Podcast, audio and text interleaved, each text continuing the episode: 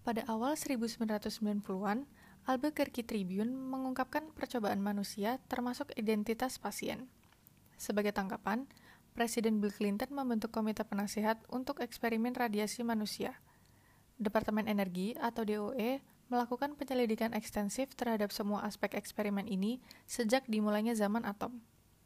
Pada tahun 1995, DOE merilis laporan yang merincikan percobaan, membuat penilaian etis, dan memberikan rekomendasi kepada Kongres tentang langkah penindaklanjutannya. Pada tahun 1997, undang-undang dibuat untuk melarang pengujian ilmiah rahasia pada manusia. Undang-undang baru mengharuskan pasien untuk memberikan persetujuan dan diberitahu jika eksperimen dirahasiakan. Selain itu, pemerintah menetapkan bahwa dokumentasi yang menyeluruh harus disimpan dan ditinjau.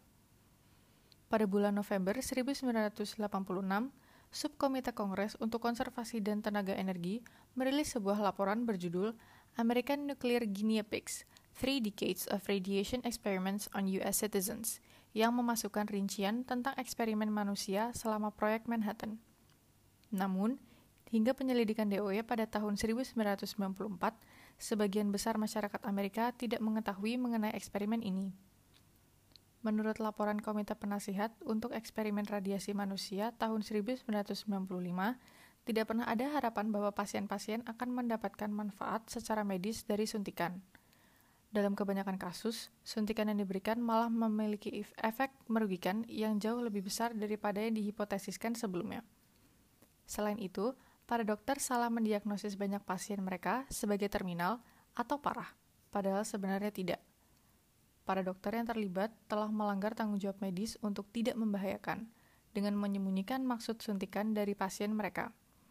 Kisah-kisah korban penelitian radiasi manusia adalah pengingat akan harga berat yang berhubungan dengan kemajuan medis dan ilmiah. Meskipun keadilan bagi para korban eksperimen radiasi tidak pernah diterima, pada tahun 1994, Presiden Clinton membentuk Komite Penasehat Radiasi Manusia yang merilis 1,6 juta halaman catatan rahasia yang mendokumentasikan rincian pengujian yang dilakukan.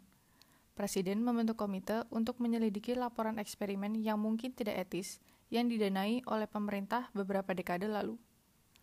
Pada Oktober 1995, laporan akhir seribu halaman diuraikan dan dipresentasikan di Gedung Putih. Laporan tersebut berkontribusi dalam pengesahan Undang-Undang Penelitian Nasional tahun 1974 di mana undang-undang ini membentuk Komisi Nasional Perlindungan Subjek Penelitian Biomedis dan Perilaku Manusia.